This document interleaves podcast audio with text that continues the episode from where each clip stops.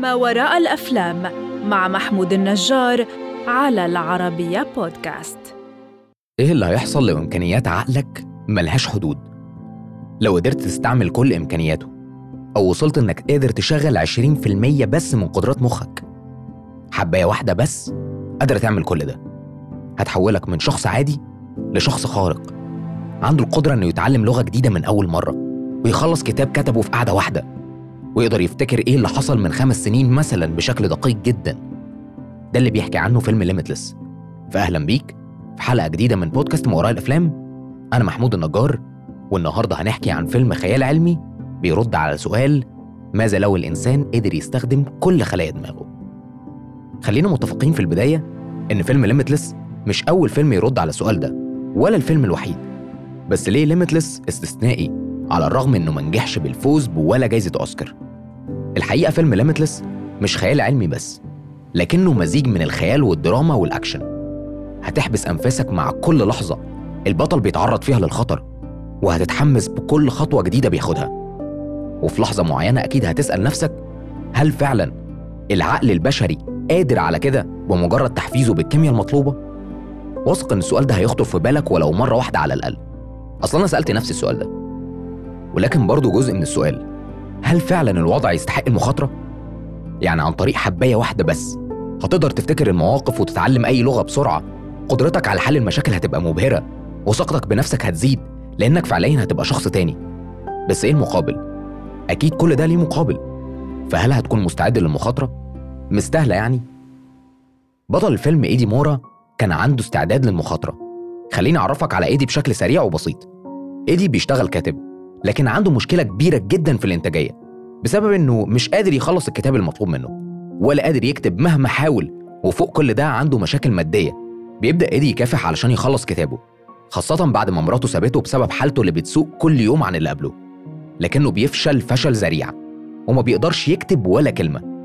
في ظل الظروف دي إيدي بيقابل أخو مراته سابقا فيرنان. وبيعرض عليه حاجة علشان تساعده. NZT وقتها إيدي هيرفض في البداية لكن بعد كده هياخدها خاصة إن فيرنان قال له إن الحبوب دي مرخصة ومجربة وإيدي هيصدق ده فعلا.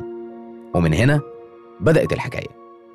بعد ما إيدي خد زي تي حالته بتختلف تماما وبيبقى شخص تاني. لكن الحالة دي ما بتكملش لأن مفعول الحباية بينتهي بمجرد ما بيصحى من النوم. وبدل ما يحس إن دي علامة خطر اتجه لبيت فيرنون علشان يطلب منه إنه يديله حبوب كمان. لكنه بيرجع يلاقي فيرنون اتقتل. وقتها بيخطر في باله إن فيرنون اتقتل بسبب الـ NZT فقرر إيدي يدور عليه. وفعلا لقى كمية كبيرة منه وبدأ فصل جديد من حياته. وبعدين إيه اللي حصل؟ اللي حصل مهما أحكي لك عنه مش هيكون زي ما تشوفه. بس عايز أشاركك مشاهد منظورها كان مختلف بالنسبة لي. وأكيد أحب أسمع منك شفتها إزاي. عارف مثل كن حذرا مما تتمناه. Be careful of what you wish for. هتحسه في كل مشاهد الفيلم تقريبا. ايدي بعد ما بقى مدمن على الانز تي عرض حياته للخطر سواء بسبب إنه بقى مديون لشخص سيء أو إنه دخل نفسه في اتفاقات كبيرة جدا وبدأ جسمه ينهار بعدها. ومش حياته بس لكن حياة حبيبته كمان وحياة ناس يقربوا له لدرجة إنه هيقتل واحدة من غير ما يكون عارف إنه القاتل غير من الأخبار. مش قلت لك في البداية إن كل حاجة ليها مقابل؟ فإيدي بدل ما يبدأ يحل مشاكله الداخلية ويتعلم الانضباط وإنه يركز قرر إنه يلجأ للحل السريع والأسهل. والحقيقة مش هتقدر تلومه. ممكن أي حد في مكانه يفكر كده ويقول ليه هبذل مجهود خرافي وأنا معايا حباية هتغنيني عن كل ده؟ ليه أفضل أذاكر ليالي علشان أتعلم حاجة واحدة بس بحيث إن أقدر أتعلمها في ساعة لو خدت الحباية؟ وأسئلة كتير جدا هتخطر في بالك وقتها. لكن مفيش حلو بيكمل. وهتيجي في لحظة تسأل نفسك نفس السؤال اللي سأله إيدي. Why is it when your life exceeds your wildest dreams a knife appears at your back? ليه خلاص لما الدنيا تبدأ تحلو وتحقق أحلامك تيجي خبطة من الظهر ترجعك لورا تاني؟ عايز أقولك إن الجملة دي اللي بدأ بيها الفيلم أصلا. وهتشوف إيدي وهو واقف على حافة جدار على وشك إنه يرمي نفسه. مش هحرق لك اللي حصل بس فعلا الحياة مش وردية. ممكن تسأل ليه إيدي كمل وأصر ياخد الحباية تاني بعد ما عرف أعراضها من زوجته السابقة؟ هرد عليك بجملة واحدة بس قالها إيدي بعد ما خد الحباية لأول مرة. I wasn't high. I wasn't weird. Just clear. I know what I needed to do and how to do it. ما كنتش تعبان ولا غريب. كنت هادي جدا. عارف أنا عايز أعمل إيه؟ وعارف هعمله إزاي. هل فعلا في حد محتاج أكتر من كده؟ أكتر من إنه يكون هادي وفاهم نفسه وعارف هيعمل إيه علشان يحقق حلمه؟ غالبا لأ لأن دي الغاية من حياتنا عامة. إننا نوصل لاستقرار نفسي معين ونحقق أحلامنا. في ظل كل اللي تعرض له إيدي فوجود المبدع والعبقري روبرت دينيرو كان مخلي الأحداث مشوقة جدا. دينيرو قدم شخصية كارل فان لون رجل أعمال المستثمر واللي هيشغل إيدي معاه من أول مرة قعدوا فيها سوا. لكن العلاقة هتبدأ باحترام وحب وهتنتهي بتحدي من كارل. كارل في نص الأحداث قال لإيدي You don't know how to assess your competition because you haven't competed. انت ما بتعرفش تنافس لانك ما نافستش قبل كده.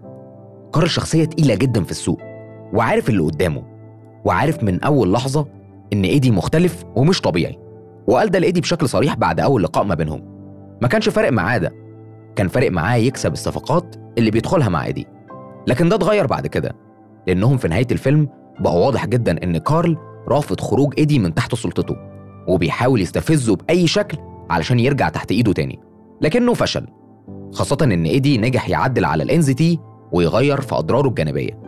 الحقيقة فيلم Limitless مش أعظم فيلم هتتفرج عليه لكنه هيسيب جواك تساؤلات كتيرة جدا ويرد على أغلبها. واللي واثق منه إن في نهاية الفيلم هتدرك حاجات كتيرة جدا زي إن اللحظة اللي بتقرر تستسلم فيها بتكون بداية لحاجة جديدة. فحاول مرة أخيرة. لو جاتلك الفرصة وقدرت تستخدم 20% من قدرات مخك استغل ده الصح. بلاش تضيعه في حاجات هتأذيك أو هتأذي اللي حواليك. أنا عارف إن الطرق السهلة كتير بس صدقني الطرق السهلة بتخلص أسرع وبتدخلك في عقبات كتير. ابذل مجهود كافي علشان تحقق اللي عايز توصله بلاش التسرع لأنه هيوقعك في الآخر. مين بقى ورا فيلم Limitless؟ خليني أقولك إن فيلم Limitless من إخراج نيل بيرجر أخرجه نيل سنة 2011 وبطولة برادلي كوبر والعبقري العظيم اللي وجوده كان مدهش في سياق الأحداث روبرت دينيرو. وبالمناسبة الفيلم مقتبس عن رواية اسمها The Dark Fields. أنا مش عارف هتشوف فيلم Limitless من أي منظور لكني متحمس جدا تشوفه دلوقتي وتشاركني وجهة نظرك فيه. وهل فعلا فرق معاك ولا لأ؟ شوف الفيلم دلوقتي واستناني الحلقة اللي جاية في حلقة جديدة من بودكاست ما وراء الأفلام المقدم من العربية بودكاست علشان نشوف الأفلام من منظور تاني بشكل مختلف.